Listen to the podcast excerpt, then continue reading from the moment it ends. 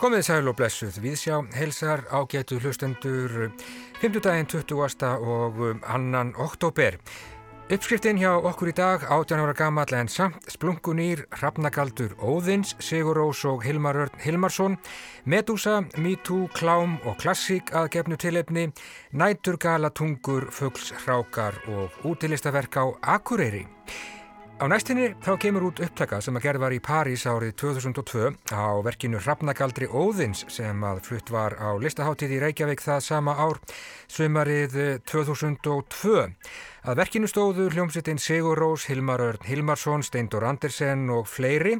Þetta verk hefur aldrei verið gefið út í heilsinni en eh, átáendur Sigurósar um allan heim hafa lengi haft eh, auðvastað á því. Það var margir beðið eftir þessu.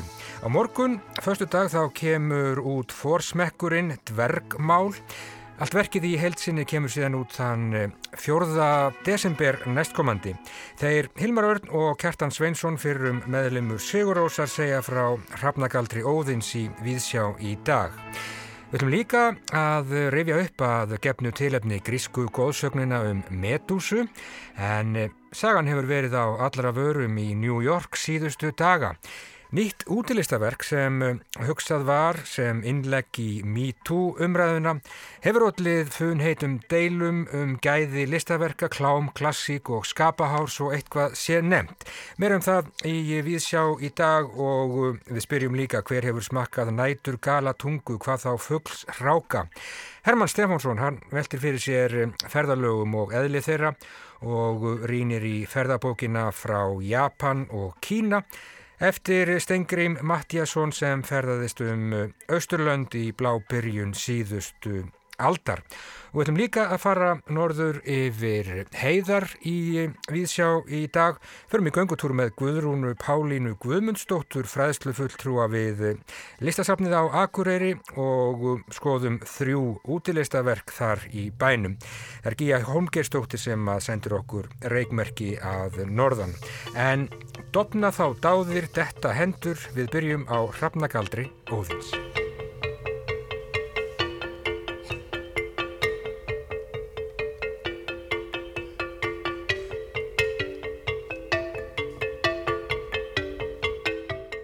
Já, ég komið hérna vestur í bæ og er búin að taka hús á, já, tveimur uh, tónlistamönnum sem eru að góðu kunnur. Það stendur ímislegt til. Um, fyrir átján árum þá var frumflutt verk sem að heitir Rappnagaldur Óðins. Þetta var á listaháttíði í Reykjavík í lögadalshöll ef ég mann rétt og þetta er verk sem að hljómsveitin Sigur Rós vann í samvinnu við Hilmar Örn Hilmarsson og Steindór Andersen og um, þetta verk hefur aldrei komið uh, almennilega út. Með skilstrendir að það hefði svona bútar verið til einhver staðar á netinu sem aðdáðundur Sigurósar hafa, hafa þefað upp í gegnum tíðina. En nú er, erum við að fara að rjúfa lindina, Kjartan Sveinsson viltu segja mér aðeins frá, hvað er, hvað er yfirvofandi?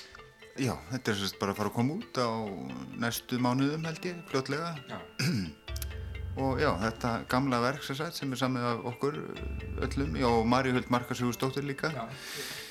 kemur lóksins út. Eh, það var bara komin tími á það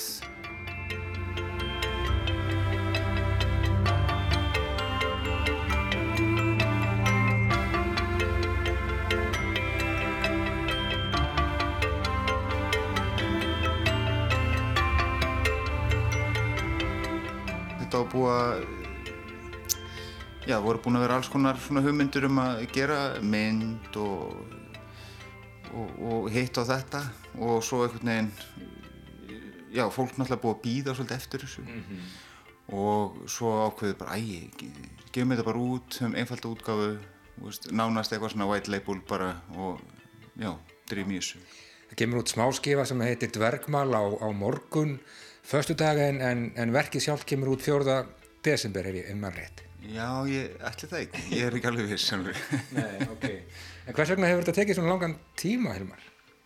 Ég, ek, ek, ekki hugmynd, sko. Allt tala um að góðu hluti gerast hægt, sko. Mm. Því að, sko, við náttúrulega vorum aldrei að pæli að þetta kæmi út. Nei. Svona per se, sko. Þetta átti alltaf að vera ykkur eitthvað flutningur og, og þess að við erum búin að plana það að enda sko á, á því að gerst í Japan sem hefur aldrei gerst Nei. og gerst vantilega ekki, ekki úr þessu. En sko náttúrulega þetta, þetta var eitthvað verk sem sko tók okkur yfir og var aldrei hugsað sem einhver útgafa, þetta var eiginlega sko meira flutningur. Því að galdurinn var í því sko að flýta þetta sko. Já, Þetta var, performance. a- alltaf, alltaf. Já, Þetta er upptaka, er það ekki sem að gerð var í París ekki satt? Og þarna koma við sögu já, skólakantórum og fleiri. Já, þetta er, nú, ég man nú ekki hvað hljómsveitin heitir, vendar. Þú, þú ert kannski með það eitthvað starf á papír? Já, ég var með þetta Já, sko, þetta var svona útskriftar hljómsveit, þarna, sko besta, þarna, sko, tónlistaskóla, þarna, Parísar, Já, einmitt. Sem að þarna, við fengum, þarna, til ís við okkur, eft- eftir að hafa flutta, sko, bæði í Barbican og, og, þarna, á listaháttið og í, í Þrónteimi og Já. síðan í París, sko. Þið voruð í Barbican hvað 2002, er það ekki, bara sama ár Já, Já, það var bara aðeins á undan, sko, já. það var svona, það var flutt nokkur um sinnum það, það ár og síðan ekki aftur eða hvað Já, þetta var tvisvar í Barbican held ég og tvisvar svo listaháttið Mhm. og náttúrulega listaháttið sem að hérna pantaði þetta verk og, og kostaði það Já. Náttúrulega hérna heima í, og, og, já, og svo er gerst samstarf sem sagt, við Barbican Center og tveir flutningar þar. Já, svona smá gerarpröfa. Mm -hmm. það var náttúrulega allt í vitleysu þar og en það var þetta fínt í Reykjavík sko. Nei, þetta var- þetta var algjör snilt í Barbican, sko, það var ofta að tala um þetta að hafa verið sammála. Nei, eh, veist, þetta var eh, allir hafa talað um þetta að vera káos og, fólk hafa verið í taugafalli sko en ég held að við söldu slagir sko og við sem þetta yrðið snild sko sem var Já, þið voru vissir um það já já, algjörlega sko Allan tíma gott að, það var gott að ykkur var Já, einmitt. En Kjartan, þú sér það mestu leitu um útsetningar á samt uh, Maríu Huld ekki satt? Jú, við svona tókum það svolítið svona yfir, já. Já. En það eru allir, það er sko allstæðar framlag sko frá öllum, sko. Já, Allir legg í púk Já, já, já, já, það er allir með stef og, og allar þessar sko stemmur sem að hljóma Mhm. sko svona fornar, þetta er eitthvað sem að Steindur Já, bjó bara til, sko. Hversu mikil sigur ós er í þessu? Það er, jú, jú, það er alveg sko svona segurúsar enginni þarna. Aha. Það er það, og það er mikið svona endurtekning stefja og, og svona alltaf bara hellingsmelodía, sko. En verkið náttúrulega byggir sko fyrst og fremst, ef við náttúrulega byrjum þetta verk á því að fara í húsafell og, og spila á, á þessa steinhörpu hans Páls Guðmundssonar. Þar byrjar þetta. Og þar koma uppalegu stefin sko. Og, og þau eru, já, gegnum gangandi í gegnum allt verki og svo, eru, svo er þetta meira og minna variasjónir, útsetningar á þeim stefjum og auk náttúrulega stemman hans stendurs. Já. Og þetta byrjar svolítið með því, er það ekki Hilmar að þú færð uh, þetta kvæði, uh, Hrafnagaldur Óðins á heilan sem að er merkilegt, torskilið og einhvern tíma var nú sagt að það væri feik og ekki svona raunverulegt ettu kvæði, menn voru svona eitthvað þrátt um þetta en, en svo svona í setni tíð þá, þá er þetta svona farið að tilhæra, er það ekki ettu kvæða kanóninni? mín hugmynd var svo að við myndum sko fá þetta inn í sko eddu korpusin Mhm. þetta stóra dæmi það hafði verið gert útlegt þarna á, á miðri sko 19. öld af, af norsku fræðimanni sem að heitir Sof- hétt Sofus Búke þannig að þetta var svona svona mission from God svo ég vitni í Blues Brothers að fá þetta kvæði aftur inn sko og það gekk bara rosalega vel og það hafði mikil áhrif í fræðaheiminum því að það voru mjög margir sem samfærast um að þetta væri ekta ettukvæði Já. Og svo þegar upp er staðið sko, þá er þetta ekki ekta þetta er líklega frá 15. öld Já, en sko írónin er svo að ég er búin að tala svo oft um sko hvað skapandi sko listhugur etna, hvernig hann fer sko minna það er frækt dæmi um sko etna, James McPherson sem að etna, var skorsk, skorsku prestur sem að kemst yfir latneska þýðingu á darraðamálum uh, darraðaljóðum frikið úr, úr njál, njálsögu og hann ákvæður að fara að yrkja sko etna, gelísk eða skorsk kvæði upp úr þeim og hann verður ótrúlega áhrifamikill. Þessi fölsun hans á, á, á etna, gelískum og, og skorskum hlutum hann hefur áhrif út um allan heim Göte Þetta er bara um 1800 eða ekki? Jú. Og mann held að þetta sé frá miðöldum? Já, algjörlega sko, menn, menn heldur sko að Ossian sko hefði bara verið sko, ja, sterkur og hómer og Jónas Hallgrímsson fyrir alltaf sem hann situr sko í, í, á bassastöðum í skólanum hann fyrir að lesa Ossian og, og verður algjörlega uppnumin og fyrir að yrkja sko í, hérna, í, í eddu háttum því hérna, það er næsta, næsta sko þannig að, hérna, að að, að, að, svo mikið af því sem við fengum af að, skáldum frá Jónasi og upp úr því það sem er að endurvekja sko ljóðahátt og annað slíkt kemur sko frá skorskum presti sem er að falsa kvæði út frá latnarskri þýðingu á, á njálsögu kvæðið þaðan og, og þetta hefur áhrifa á skálskap sko tvekja alda Já. Uh, allt feik og þetta er svona anakrónismi eða, tímaskekkja sem þarna er, er á ferðinni, svona heillandi tímaskekkja. En þetta ljóð er orft undir fornindislægi og þetta er um, þannig þótt torskilið uh, kent auðvitað við Hrafna Óðins sem að fóru um heiminn og, og færðu Óðinni tíðindi og uh, þarna er ekki satt verið að segja frá veistlu þar sem að, já, vábóðar, hræðileg tákn sapnast upp og og spá bara fyrir um, um endalók heims, manna og guða. Já, þetta er svo ótrúlega sko fallegt myndmál sko, sem er, er svo magna vegna að, að, að, að hvaðið gengur út af það sko að guðunir eru er bara í partíi og, og, og takki eftir því bara hvað er í gangi og það er alltaf farast í fjöndas í, í, í afsakið Sjáðu ekki vistuna? Jú. Sjáðu ekki vistuna? Sjáðu ekki vistuna, já, já. Það er mikið partí en, en allt á niðurleið. Allt á niðurleið og veitna, í hvaðinu sko er allt að falla veist, það er bara allt nýgur þannig að þetta er svo ótrúlega sko mögnu stef í svo hvaðið sko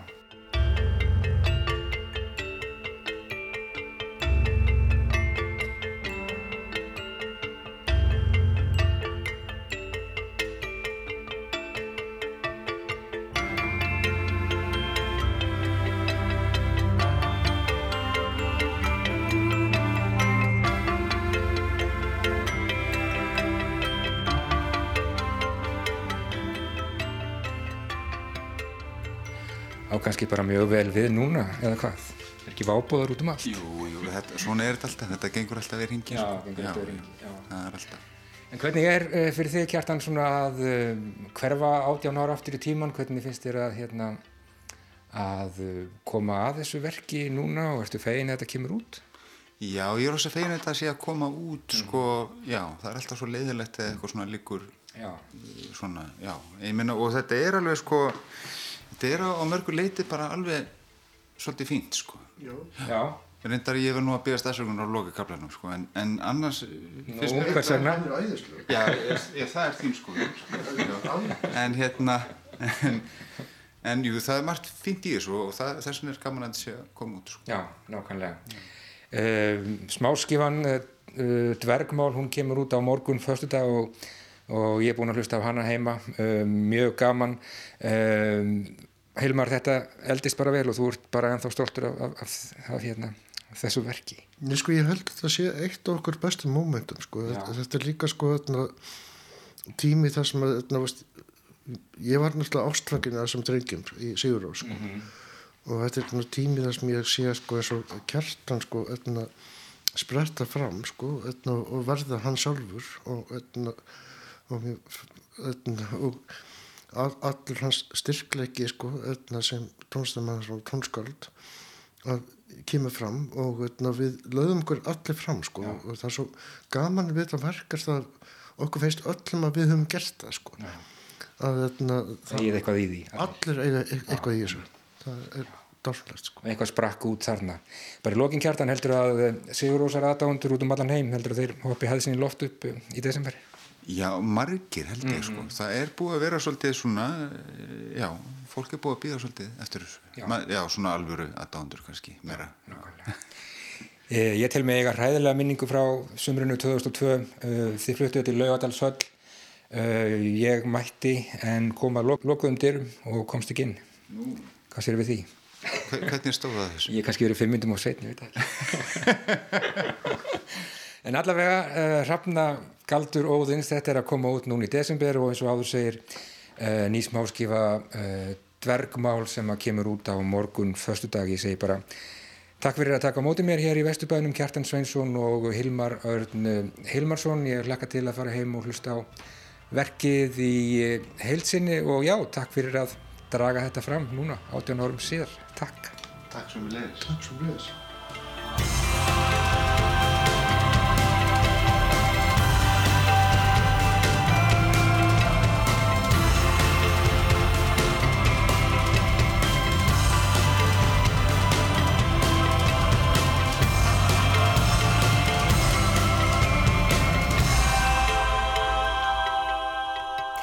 Já, dvergmál, þetta kemur um, formlega út á morgun. Sigur Rós, Hilmar Örn Hilmarsson og um, fleira gott fólk tekið upp í París árið 2002. Forsmekkurinn að um, útgáfu á Hrafnagaldri Óðins, verki sem að margir hafa beðið eftir lengi. Útgáfudagur þann 4. desember næstkomandi eins og áður segir. En þessu næst ágetu hlustendur likur leið okkar norður yfir heiðar. Við förum til Akureyrar. Þar er Gíja Holmgerstóttir og hún er á leiðinni göngutúr með Guðrúnu Pálínu Guðmundsdóttur sem er fræðslu fulltrúi við listasafnið á Akureyri. Ég held að það er eitthvað að skoða út í listaverk. Jæja, Pálína. Við stöndum núna hérna fyrir framann Amtsbókasafnið á Akureyri og þú ætlar að fara með mig í smá göngutúr. Já, ég ætla að sína þér þrjú útilistaverk sem að mér finnst áhugaverð og, og gaman að spjallum. Já. Skulega Gíjan, hvert ætlar þau að, að fara fyrst? Ég ætla að byrja í göngugötunni. Byrjum í göngugutunni, já. Það er ekki langt að fara. Nei. Pálina, nú erum við komin hérna nýri í göngugutuna. Það ómar tónlistin frá uh, ferðamannabúðinni, það er ekki margi ferðamenn, en, en hér er þetta allt saman og hér er verkið sem þú ætlar að, að segja okkur frá. Já, þetta er samstagsverkefni ungmenna eða ungra listamanna frá öllum Norðurlandunum. Þetta eru fimm verk og Solveig Baldurstóttir myndhögvari, hún stjórnaði þessu verki og, og vann þetta með þeim og maður sér nú ímis höfundar einkenni frá henni. Efnið í súlunum er tekið einhver starf út í náttúrunni. Þetta eru steinar sem er samt búið eitthvað að, að finansera og síðan er uh, skúltúrar sem er búið að steipa í brons. Og svo er svona gós, eða sem sagt lítil tjörn inn í miðjunni. Þetta eru þessi fimm stöpplar og verkin ofan á og svo þessi, já, litla tjörn.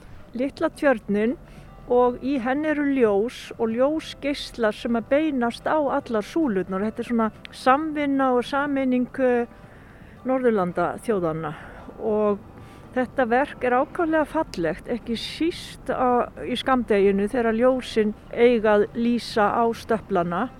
Það sem er nú flókið með svona verk og, og misbrestir á það er að þrýfa það. Já. Þannig að maður myndi helst vilja sjá þetta tandur hreint á hverju mótni vegna þess að það er náttúrulega langt fallegast og, og mest virðing við verkið en það er líka börn hafa gaman að því að setja puttan á honni, leika sér og sum dýr líka, fuglar og kísur. En það er nú kannski svona eðli út í listaverka að, að, að það einhvern veginn er í, í samtali við það sem er í kring og þetta eru í göngugötunni og margir hér á ferð. Já, og það var afskaplega ánægilegt. Þetta verk kom einhver tíman cirka 96 eða 7, ég man ekki alveg hvaða ár það var og hérna ég er búin að njóta þess að horfa á það alla tíð en svo náttúrulega eftir því sem túrismin jógst þá fór að starfsemin að vaksa hér í kring og þá var allt í einu farið að að að setja upp einhverjar hérna, sölubása og uh, auglýsingaskilti og svona skið, skigðu mikið á verki og svo núna komið leikvöllur og mér finnst verki ekki njóta sín nógu vel en mér finnst samtímis ofsalega ánægilegt að hafa þetta listaverk og ekki síst með hugsuninu um þessu ungmenni frá Norðurlöndunum að hafa þetta í göngugötunni þar sem börnin eru að leika sér og, og fólk er að, að snæða skyndibita og lappa um vegna þess að fegurð í umhverfinu og list, það skilar sér líka ómeðvitað, eins og fólk sé meðvitað um það. En um leið og það væri tekið burtu, þá myndi fólk finna einhvern tómleika, Já. væntanlega. Já, þessi ungmenni, mm. þau komu hinga til Akureyra til Já. að vinna verkið, er það ekki? Jú, og hefur örgulega verið tölvert fjármagn sem hefur fyllt um þess að það er dýrt að gera svona afsteipur og það er endast náttúrulega mjög lengi og hérna þetta var 1997 og þetta heiti Vinabæjar skúlptúr Já, já. Þannig að þetta eru vinabæir mögulega, það er þessi vinabæir út um Já, öll Nor- Vinabæjar er á Norðurlöndunum Mm. Þannig að Akureyri á fimm vinabæi, vantilega. Já, Rannes í Danmörku og Það Ég- kannski stendur á stöflunum, ef að aðtjóða hvort það standi á stöflunum. Hérna stendur Ranners. Þetta er þá fyrir vinabæin Ranners. Síðan er annar vinabær. Hvað stendur hér? Vesterós í Svíþjóð. Vesteros í Svíþjóð. Akureyri, já það er eitt stöpull fyrir Akureyri sjálfa. Hver er hér? Ólesund. Álasund. Ólusund, ég Já. er bara í Er Hamar. það ekki Álasund? Ólesund. Já. Og síðan, Lahti síðan er það Lahti í Finnlandi. í Finnlandi, já. Þar höfum við það. Þar höfum við Já. þetta. Þannig ef að fólk er að velta fyrir sér sem sagt listaverkinu og, og hvað það stendur fyrir, Já. þá er þetta sem sagt vinabæjar skúltúr. Já. En uh, það er næsti áfangastæður, Pálína. Hvert Það er, er- ferðinni heitið? Það er Hof. Þar ætlum að sjá listaverk eftir Kristíne Rapsson. Já, já, við erum komin hérna að menningarhúsinu Hofi. Við erum hérna alveg við gatnamótin á Drottningabraut og Strandgötunni. Hér er listaverk. Já, það lætur nú ekki mikið fyrir sig fara. Það er svona bara á jörðinni. Segðu mér frá þessu verki, Pálína. Þetta listaverk kom hingað og sennilega gert tvö, á sama ári þegar Hof opnaði 2010. Þetta er eftir Kristíne Rapsson sem er upphaflega f- frá Ólasfyrði en hefur náttúrulega búið í Reykjavík sennilega eftir stúdenspróf. Það eru mörg listaverk eftir hann til á Akureyri eða nokkur allavega. Það rægasta verki er náttúrulega Íslands klukka upp í háskóla en þetta verk það hefur valdið mörgum miklum heila brotum af því að hér er orðið norður í 12 áttir. Og hvað er eiginlega átt við með þessu sko? Og þú segir að verkið láti lítið fyrir sér fara sérstaklega þegar snjór þá náttúrulega er það alveg hulið hérna. Já. en hann er mikið að vinna með eh, heimspeki, rými og tungumálið og náttúrulega staðsetningar og norðrið. Hefur náttúrulega rosalega breyða merkingu af því að fyrir sjómenn þá er það náttúrulega áttavitin lýsir í norður og maður svona miðar sér við það. En á Íslandi og kannski aldrei meira en ymmit nú finnum að síðustu ár þá er norðrið alveg sérstakt hugtak af því að það er hluta landsbyggðinni og það eru svo mikill munur á borgaríkinu Reykjavík og svo landsbyggðinni og þetta enda lausa fyrir okkur sem erum fætt og uppalinn hér á norður hluta landsins. Gildir sjátt sama fyrir þá sem eru á austur og vesturlandi og einhverjum hluta suðurlands. Að vera einhvern veginn alltaf eh, potað í það eða bent á það menn séu að norðan. Og hvað það þýði að vera Já, já. að norðan og, og þetta var svona ímislegt út frá því. Og þetta gerir það að hver og einn getur lagt sína merkingu rosalega mikið í þetta. En menn þurfa kannski einhverja svona þræði að þetta sé kannski bara smá gáta eða ekkert sem er með einhverja fasta merkingu, Nei. annað en bara þessi átt. En ef við lýsum þessu fyrir hlustendum þá er þetta ferhyrningur, uh, hellulagður ferhyrningur. Inn í honum er ringlaga bronsringur en inn í hringnum er annar hellulagður ferhyrningur. Þannig að maður getur eiginlega farið inn fyrir hann, mætti maður ekki fara hérna í miðjuna og vera þá eins og inn í svona einhverju skífu, þetta er svona Já. eins og pínu skífa Já. og hvert sem maður lítur þá, þá er það norður. Þá er það norðurinn. E, norðurinn hefur náttúrulega í huga okkar ímsa merkingar. E, maður hugsaður um norðurljós og, og e, svona eh, miðnættur sól í norðri og annars slíkt sem að maður upplifir hvorutvekja mjög jákvægt en aftur á móti norðan áttin, hún er nú ekkit endilega uppáhald hjá manni. En það sem ég finnst svo fallegt við þetta verk, það er að þú lappar og þú sér það ekkert þegar þú ert lappandi en þú sér það ekki fyrir að komin alveg að því. Þetta er náttúrulega mjög gott verk fyrir þá sem eru nýður lútir og horfa bara nýður þegar þeir eru að lappa og allir rekast þeir á listaverk. Já. En uh, já, ég veit í hvað átt allavega við löpum næst til þess að fara að næsta verki. Það hlýtur bara að vera í norður, samkvæmt þessu, þessu listaverki. Samkvæmt þessu listaverki erum við að fara í norður en í raun, samkvæmt okkar þekkingu erum við að fara í söður. Mm -hmm. Við skulum lappa í norður, söður. Norður, söður, já. En hvað er næsta verk sem þú ætlar að sína mér? Eh, næsta verk, það er eftir Jón Gunnar Átnarsson og heitir Sigling.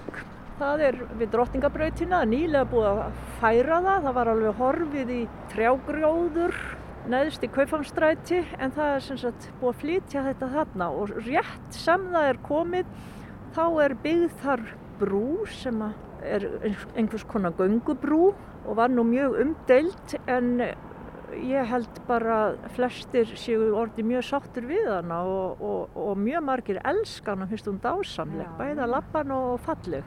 Glæsilegt. Við skulum fara þangað. Við erum núna komin hingað út af uh, síðasta listaverkinu sem að hún Pálína ætlar að segja okkur frá. Ég hef tekið eftir því að, að öll verkin eru nálagt freka mikill umferð en hlustendur verða bara að þóla það. Já, samt er nú umferðin með minnsta móti hérna núna miða við það sem var en hérna við erum náttúrulega bílabær eins og þekkt er orðið. En við stöndum hjá listaverki Jóns Gunnars Átnarssonar heitins. Hann var fættur 1931 og dó 1989 þetta listaverk heitir Sigling og svona höfðar til sögu okkar.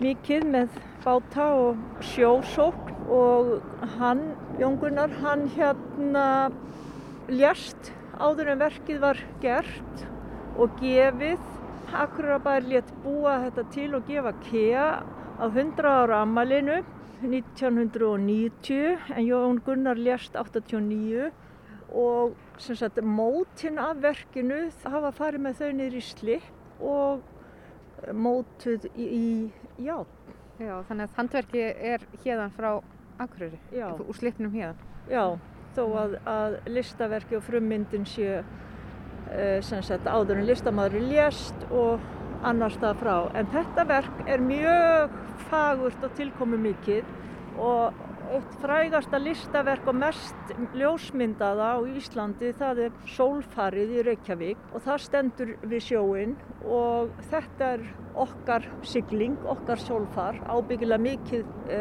myndað líka og nýtur sín rosalega vel. Þetta er frábær staðsetning því að þetta vísar í margt. Þetta er annars vegar getur einhver séð fyrir sér eins og svan með vangi útbreyta þetta hefur eitthvað svona andlegt og, og eins og næstum hefja sér til flugs jável, má sjá kannski eitthvað sem að minnir á einhvers konar flug, flugvangi.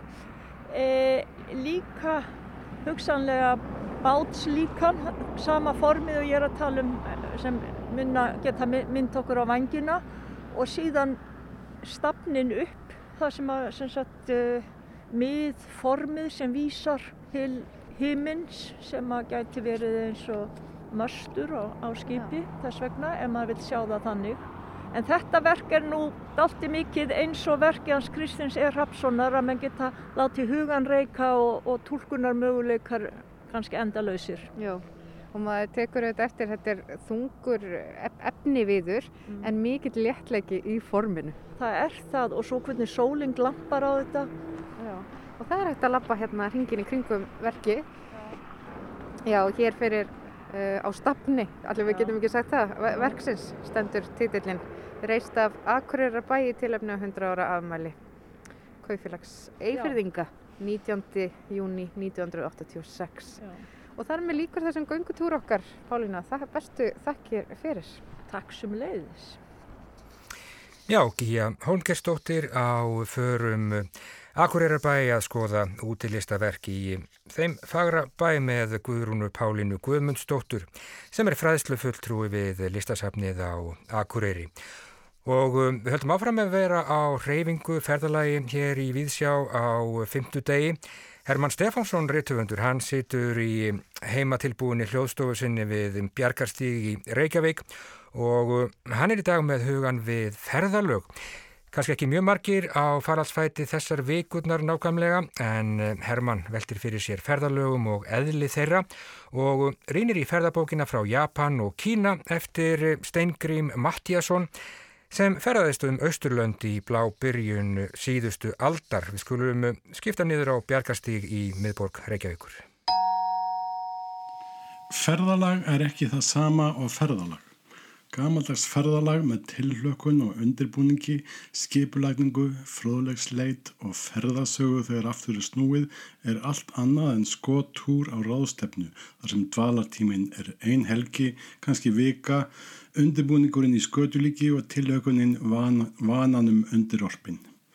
Maður kynnist ekki annari menningu í stíkri ferð. Maður kynnist ráðstefnussal, hóteli og nokkrum veitikahúsum. Ég er eitthvað minna á ráðstöfnum að græða núna þegar þeir fara fram í gegnum netið.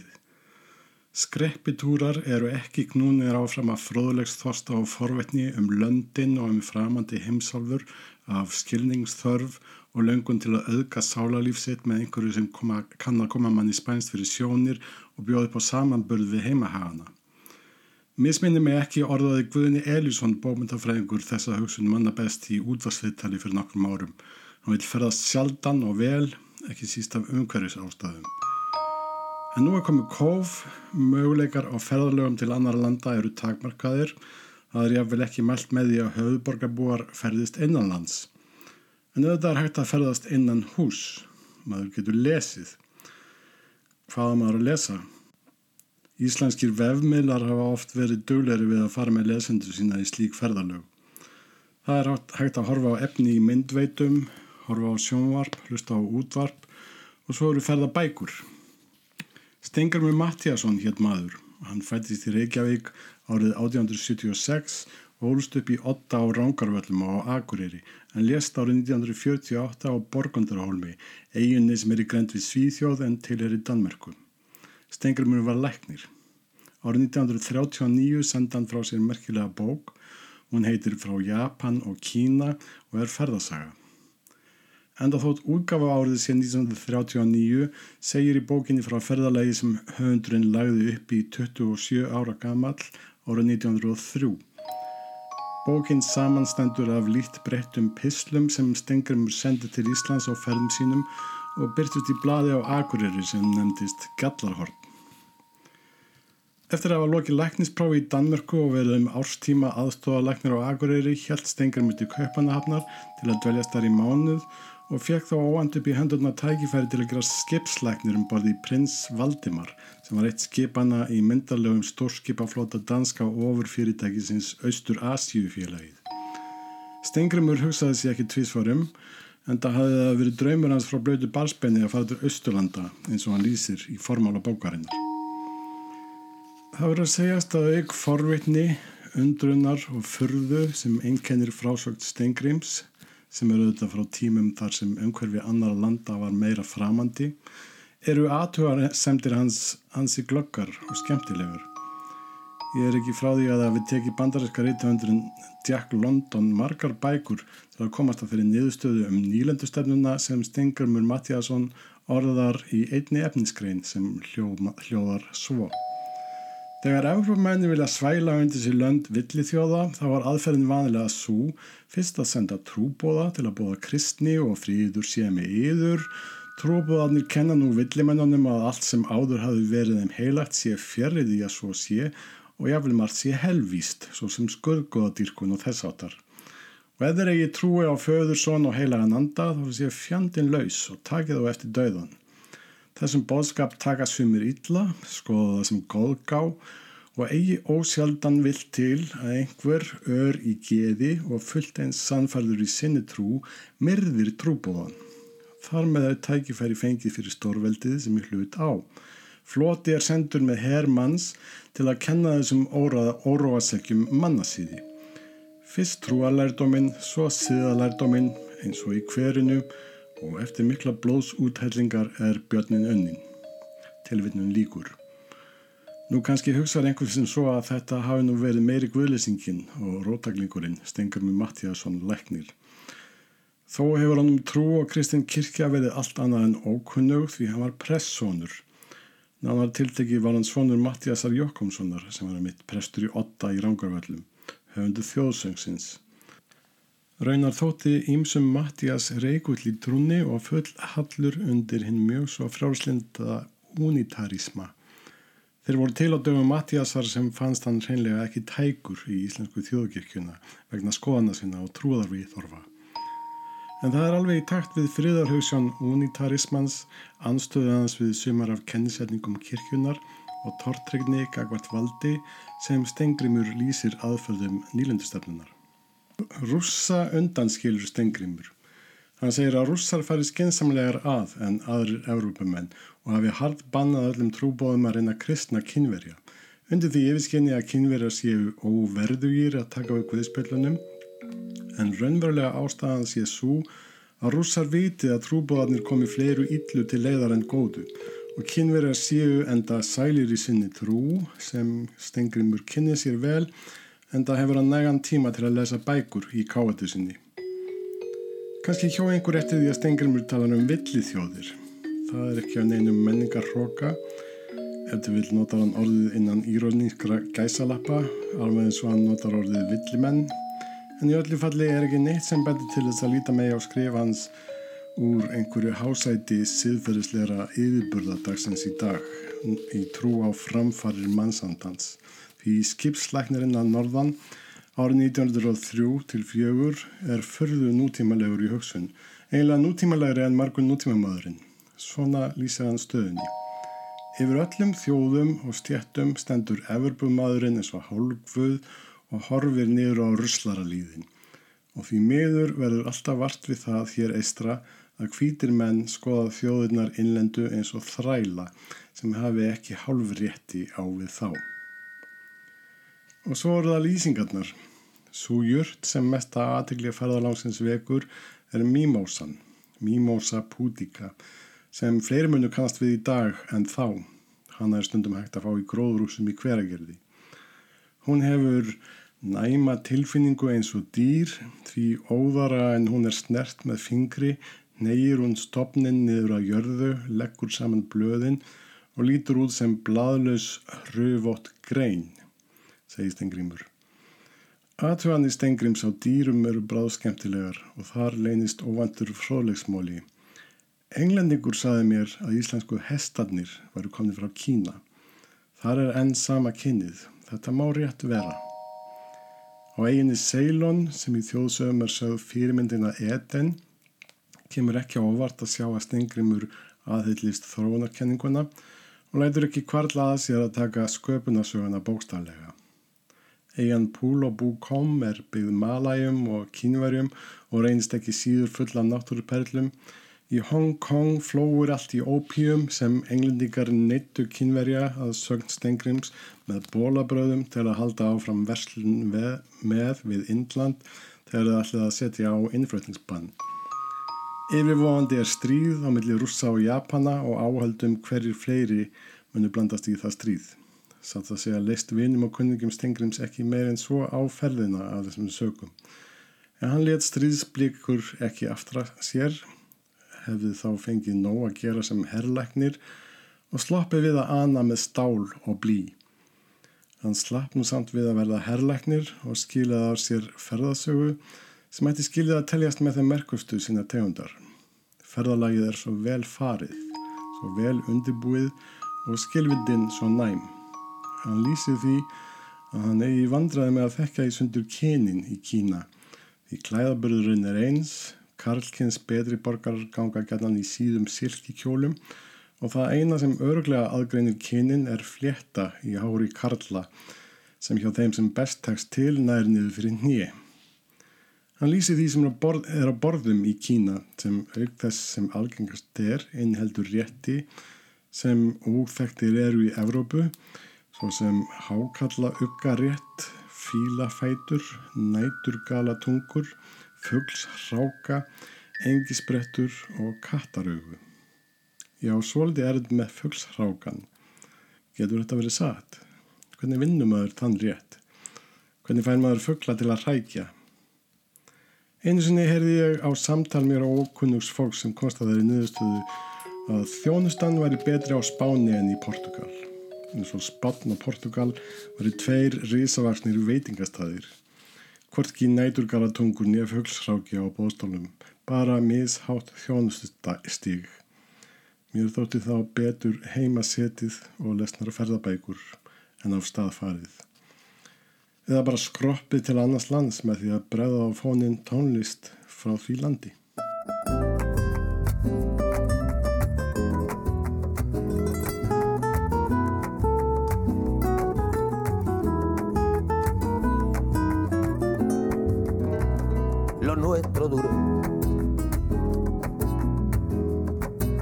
Que duran dos peces de hielo en un whisky on the rocks. En vez de fingir o estrellarme una copa de celos. Le dio por rey. De pronto me vi como un perro de nadie ladrando a las puertas del cielo. Me dejó un neceser con agravio, la miel en los labios y escarcha en el pelo. Já, Joaquín Sabina heitir þessi náungi frá Spáni, lag sem heitir 19 dagar og 500 nætur. Á eftir písli Herman Stefánssonar rítvöndar, þetta er megast þeirra Spánverja, segir Herman mér. Herman með hugan við ferðalög í písli sínum í dag og já, vonandi getum við bráðum farið að ferðast og jábel farið langt. En e, þá ágættu hlustendur leikur leið okkar til New York með viðkomu í Greiklandi Halla Harðardóttir. Saga grísku góðsagnarverunar Medúsu er flestum kunn. Uppaflega var Medúsa fögur hofmei í hofi viskugiðunar aðhennu á Agropolisarhæð. Fegur Medúsu vakti aðtigli sjáarguðsins Posidons sem nöðgaði henni. Í stað þess að refsa sjáarguðinum fyrir glæpsinn laði aðhennar bölfun á Medúsu. Hún skipti hárlokkum hennar út fyrir banvanar slöngur og umbreytti augum hennar á þann veg að hver sá maður sem að mætti augnarað hennar yrði samstundis að steini. Síðar átti hetjan Persefur eftir að elda Medusu uppi og afhausa hana. Geima svo höfuðið í póka til að geta nýtt áfram ofurkrafta hennar gegn anstæðingum sínum. Sem sagt, drusliskömm, útskúfun og nýðulæging þólenda kynferðisofbeldis á sér nokkuð langa sögu eins og goðsagan um Medusu vitnar um. Nýtt útilistaverk í New York borg sækir þessa góðsugu og í ítalst endurreysnaverk sem byggir á góðsugunni og notar hana, samkvæmt listamanninum, til þess að tala inn í MeToo hreyfinguna. Verkið talar þó ekki aðeins inn í MeToo hreyfinguna með vísun í söguna Medúsu, heldur einni með samhenginu sem að verkið er sett í, en því var komið fyrir í síðustu viku fyrir framann Dómsús borgarinnar, þar sem að ofbeldismenn hafa verið sóttir til saga þar á meðal Harvey Weinstein fyrir árinu. Þar stendur hér nýja Medusa sem í umbreytingu listamannsins er ekki lengur þólandi heldur sigurvegari. Hið nýja útilistaverk er eftir argentíska listamannin Luciano Garbati og kallast Medusa með höfuð Persefs. Verkið er úr bronsi og stendur rúmlega 2 metra hátt á stjettinni framann við Dómsúsið í York.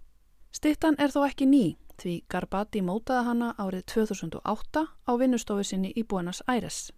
Uppaflega var verkið því ekki innleggi umræðu um kynferðisofbeldi heldur samtal við eitt frægasta verk listasögunar af Medúsu.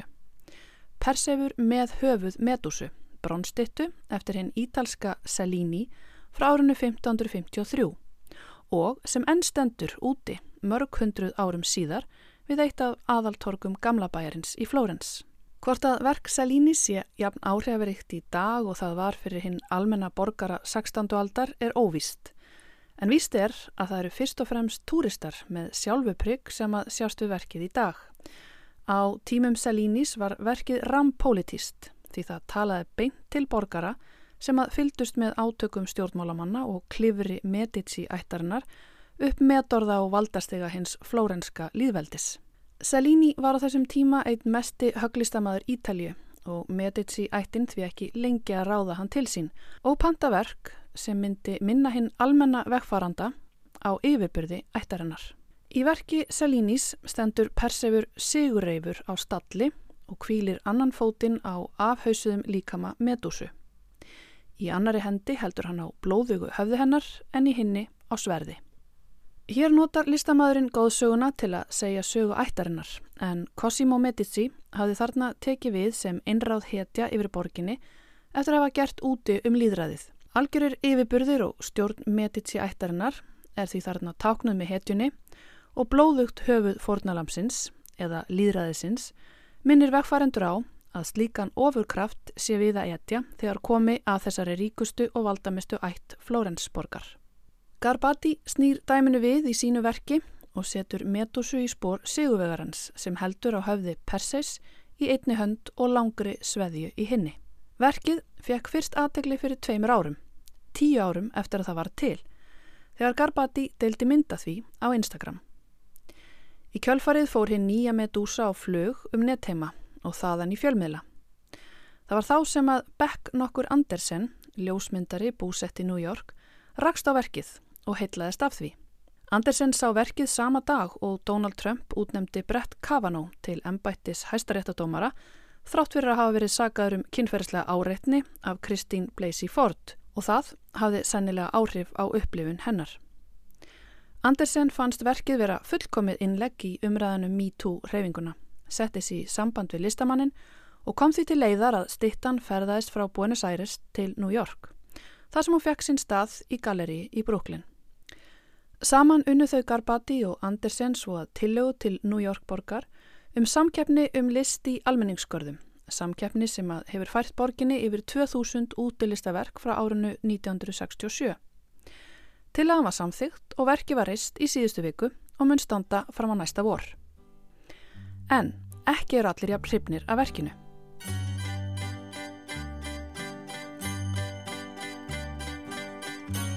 Sumir hafa bent á þversögnuna sem að fælst í því að Karlmanni skuli vera falið það verk að vekja máls á MeToo reyfingunni í almenningsrými og segja aðrir að hér sé enneitt Karlmaðurinn að stíga MeToo ölduna með því eina markmiði að láta hann að bera sig áfram að ströndu fræðar frekar en hugssjóna. Og auðvitað er lögmætt að velta því fyrir sér hvort að það geti talist eðlilegt að hvítur Karlmaður fái vettvang til að tjá sig um hreyfingu sem var hrundið af stað af svartri konu dæmigert myndu sumir segja. En aðrir hafa bent á hversu skrítið það sé að Medusa skuli halda á höfði Persefs, mannsinn sem að, jú, vissulega drap hana sér til framdráttar, en hvað með nöðgara hennar, Pósitón? Er hann ekki uppásmaður hennar sorglegu örlaga? Og svo er það þeir sem eiga erfitt með útlitt hinnar nýju Medusu. Hinn Sigursæla Medusa Garbatis er nefnilega með líkama sem minnir fyrst og fremst á kröfur hins vestræna nútíma samfélags og sem smeltpassar við hugmyndina um hinn fullkomna kvenlíkama. Hugmyndar sem óættir að fulliða að sé hluti af þeim skorðum og hólfum sem að nútímasamfélagið hefur plantað konum í. Það skýtur óneittalega skökku við að myndlíking fyrir sigur konunar yfir feðraveldinu skuli líta út eins og supermódel. Og ekki síður ef við hugsum um fyrirmynduverksins og innblástur listamannsins sem er 16. aldar list þar sem að líkamar kvenna voru oftar en ekki mjúkir og ávalir. En það sem að vekur kannski mesta aðtegli við útlitinnar nýju metusu er ekki hinn ídelíski líka með í okkar menningalega skilningi, heldur er það svo staðrind að metusa hefur engin skapahár. Skapahára leysi stittunar er reyndar það sem að hefur helst brunnið á fólki og vilja þó nokkrir gaggrinundur stittunar meina að þessi staðrind íti enn frekar undir þá hugmynd að hér sé á ferðinni enn og aftur tólkun og hugarórar Karlmanns sem ekki bara vísi í skadlegar kröfur samfélagsins um hinn fullkomna líkama, heldur einnið í verald klámsins, þar sem að engin skapahár hafa einmitt orðið að normi í setni tíð. Til varnar þessum röttum segist Garbati vera að vísa í klassíska hefð þar sem að stittur hafi aldrei skapahár. Módraug sem að verða ansimáttlös þegar flettir í gegnum listasöguna því að þar má oftar en ekki sjá kinnfæri umlökin hárum. Allavega einhvers konar minstri sem að minnir á hár. Sér Persefur Selínis skoðaður gömgefilega, sem er fyrirmynd umræðarar Medúsu, má einmitt sjá flúrað minnstur sem að minnir einna helst á kórunu sitja ofan við engastað hetjunar. En annað sem að hefur tröflað gaggrinendur stittunar er svo staðrind að andlit Persefs er óþægilega líkt listamanninum sjálfum. Þessari gaggrinni hefur listamæðurinn svarað sem svo að hann hafi verið svo mikið einn á vinnustofunni að hans eigin speilmynd hafi hreinlega hendað best sem fyrirmynd. Í listasögunni eru auðvitað til mýmörg dæmi um listamenn sem að setja sér sjálfa í verkin. En í þessu samhengi er það óneitanlega daldi skrítið. Hinn fallna hetja er listamæðurinn sjálfur sem að gera það verkum að merkingin reyðlast. Hetjan færist eitthvað með nær því að vera fórnalamp medusu frekar hann að vera tákmynd feðraveldisins. En Samankortu sjáum hérna sigursælu medusu New York borgar sem fallega eða ljótastittu, smekklega eða ósmekklega, hefð eða klám, ákallum aðtikli eða ákallum umræðu, hugaróra feðraveldis eða sigur yfir feðraveldi, þá er nokkuð víst að stittan hefur skapað umræðu og þar hefur hún þjóna tilgangi sínum sem innlegg í almannarímið. Góðsagan kallast vissulega að einhverja leiti á við MeToo sögur nútímans og þó einhver mál hafi unnist í dómshúsum borga heimsins, vitum við mæta vel að við hetjur fortíðar er að etja. Öflin eru sterkar en svo að góðsagan geti ummyndist á einni nóttu.